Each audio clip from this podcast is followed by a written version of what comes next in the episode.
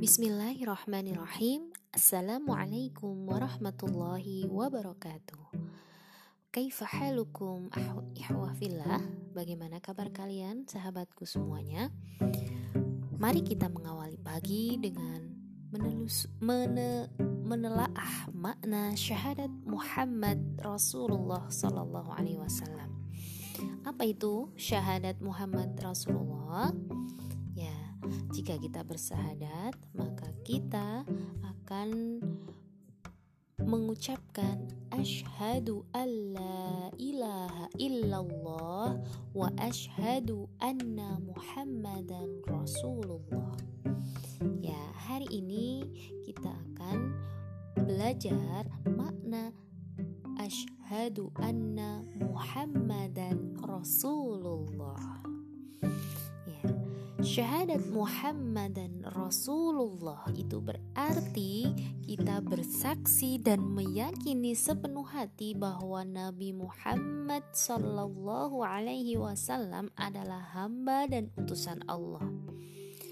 Seperti kesaksian kita bahwa Allah adalah Tuhan kita, maka kesaksian ini juga merupakan kesaksian yang sebenarnya, kesaksian yang sungguh-sungguh yang tidak ada keraguan sedikit pun.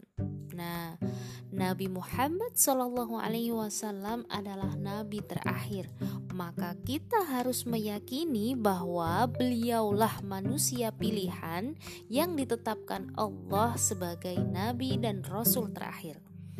Beliau juga diutus Allah kepada seluruh umat manusia dan menjadi rahmat untuk semesta alam.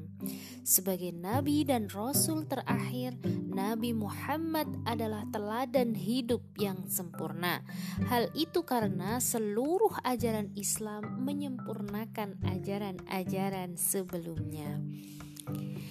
Dengan bersyahadat Muhammad dan Rasulullah berarti mentaati segala perintah Rasulullah Sallallahu Alaihi Wasallam, menjauhi larangannya, mencintainya, memuliakannya, membela ajaran dan sunnahnya, mengerjakan sunnahnya, memperbanyak sholawat kepadanya, mengikuti cara dan contoh perilaku dalam semua bagian kehidupannya, dan meneruskan ajarannya maka syahadat la ilaha illallah itu hanya dapat terwujud melalui akhlak dan perilaku yang dicontohkan oleh Nabi Muhammad sallallahu alaihi wasallam.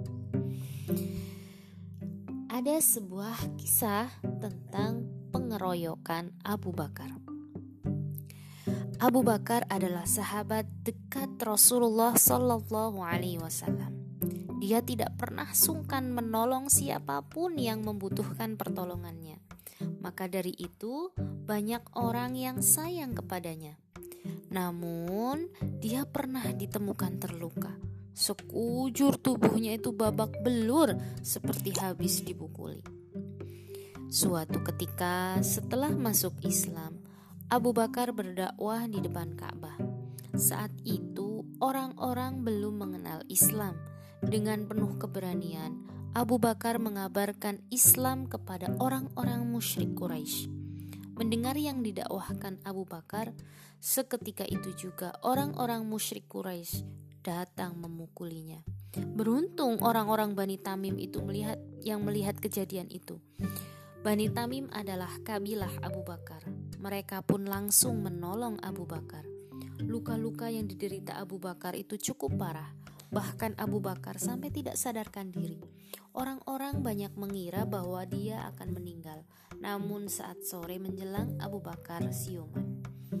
Dia langsung bertanya, "Bagaimana keadaan Rasulullah? Apakah dia baik-baik saja?" Ayah dan ibunya menyodorkan makanan dan minuman, namun Abu Bakar menolaknya. Dia lebih mengkhawatirkan sahabatnya daripada dirinya sendiri. Aku bersumpah aku tidak akan makan dan minum kecuali kalian mempertemukan aku dengan Rasulullah. Maka dibawalah Abu Bakar ke rumah Rasulullah Shallallahu Alaihi Wasallam.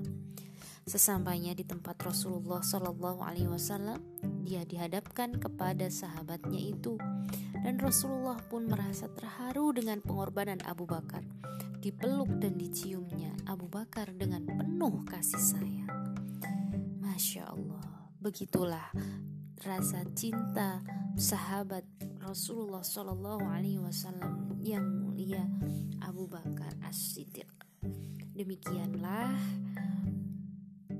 yang bisa kita telaah pada pagi hari ini semoga bisa menambah keimanan dan ketakwaan kita kepada Allah Subhanahu wa taala. Wassalamualaikum warahmatullahi wabarakatuh.